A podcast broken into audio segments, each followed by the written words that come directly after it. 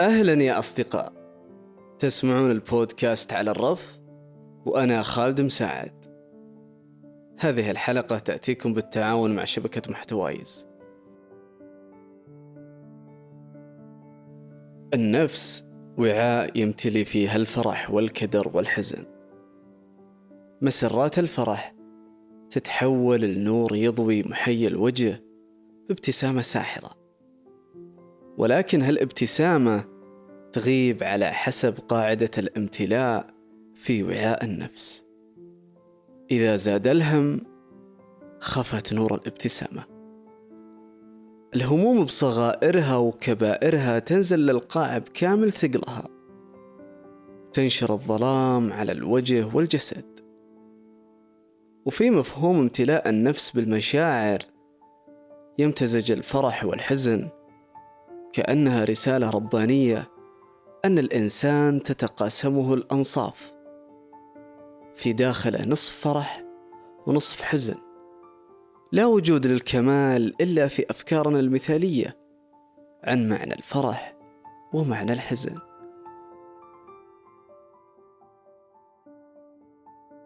بما أن الحزن ينشر الظلام على الوجه اللي اعتبره فاضح أسرار الكتمان وأول المعترفين عن أحاسيسنا الداخلية. ينهار عند أول سؤال. إيش فيك وجهك؟ مو عاجبني. لا ما فيني شيء. ما فيني شيء. هو طلب محاولة أرجوك. استنطقني بتكلم عن همي بشتكي لك. الفضفضة تخفف كثير وتعالج اللي بداخل القلب ويثقل على النفس. ومن نعيم الحياة إن الله يسخر لك شخص يسمع لك ويكتم سرك وكأنك ما شكيت وكنت بحالة ضعف. في هالحلقة ودي ألمس جانب يحول الشكوى من نعمة لنقمة على الشخص اللي يسمع لك. ويبدأ فعلا يتضايق ويحس بثقل كلامك على مسمعه. من هنا تنطلق اندفاعات السائل. هو يبي يسمع لك عشان يخفف عنك أو دافع فضولي. يشوف خافيك نطقت وتكلمت عن همك وفضفضت وارتحت وتخففت من ثقل كان يضايقك في جوفك. ارتحت؟ هذا فخ. إي نعم فخ. الشكوى بذاتها طيبة وصحية ويرحبون فيها أحبائنا ويلحون علينا نتكلم. ولكن بعد ما تشتكي تبدأ تلاحظ حالة اهتمام فيك من الطرف الثاني على غير العادة وتعاطف ما صار لك من قبل. فيتكون عندك بدايات شعور الضحية. هو أنك تشعر أنك ضحية لكل شيء ثم تستمر بالشكوى لهذا القريب منك ثم يتفاعل معك. لكن تذكر أن النفس وعاء يمتلي. بعد فترة تطول أو تقصر يبدأ يتضايق من شكواك.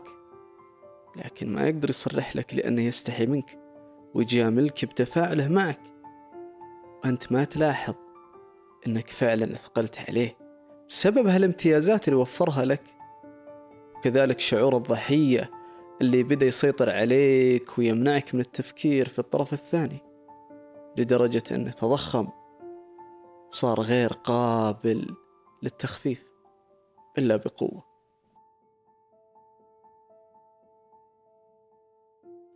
تعيش بهم ولا تشتكيه إلا نادرا لأنك صابر ومحتسب.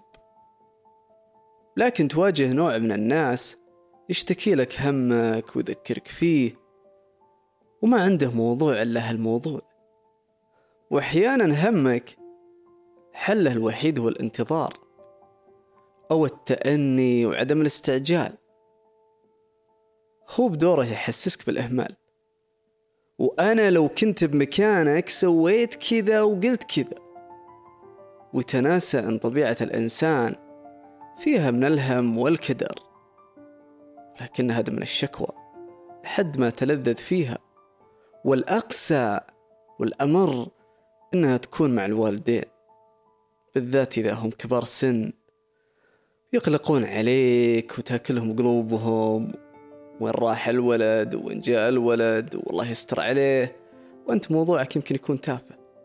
لكن طبيعة الشكوى الزائدة صنعت من هذه الشكوى هم. وهي لا شيء.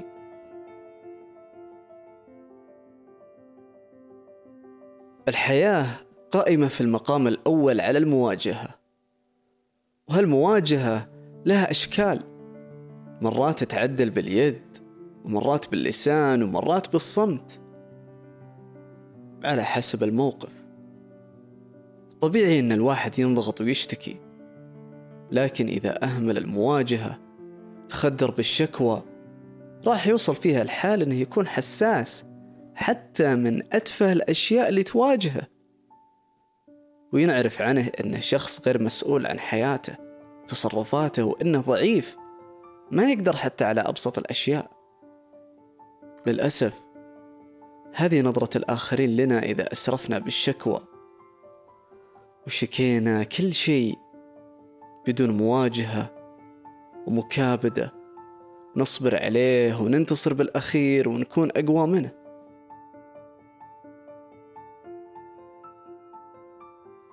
أكيد سمعت أحد يقول إن في شخص متعبه في كثرة الشكوى. يتصل عليه بالساعة والساعتين. كلها حلطمة. كل الدنيا ضده. ولا عمرها صفت له. وأنصفته. ثم يقول لك عن السؤال الصعب. إن هو محترم ويوقف معي دايم بس وش أسوي معه مليت من كثر شكواه؟ لو كان همه غير قابل للحل وصعب إن نلقى له أي حل صح بسمع له ومن واجبه علي اسمع له كل يوم وأوقف معه. لكن هو ما يبي حل ولا يبي يدور حل. بس كذا بيشتكي بيشتكي بيشتكي. ثم الموضوع ينعكس علي أنا اللي أسمع له. أنا أطلع مخنوق أقفل المكالمة وأنا يومي كله معفوس يومي كله سلبي يومي كله مرهق. كأنه نقل هالمشاعر السلبية لي؟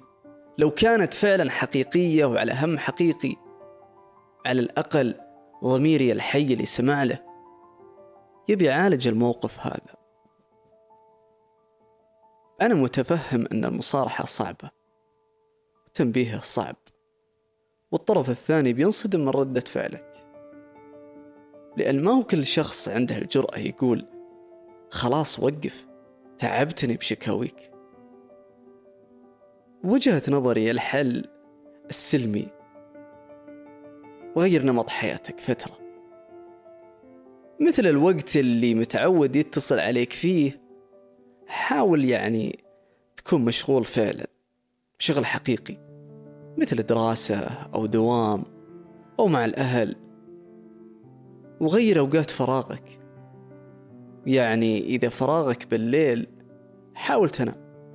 واعكس الساعة البيولوجية فترة لحد ما ييأس إن الإنسان هذا غير متاح.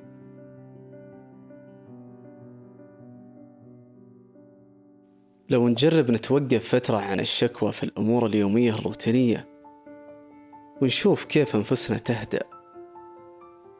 رؤيتنا تكون واضحة للأشياء والناس من حولنا. ثقل كبير وهم ينزاح من الصدور.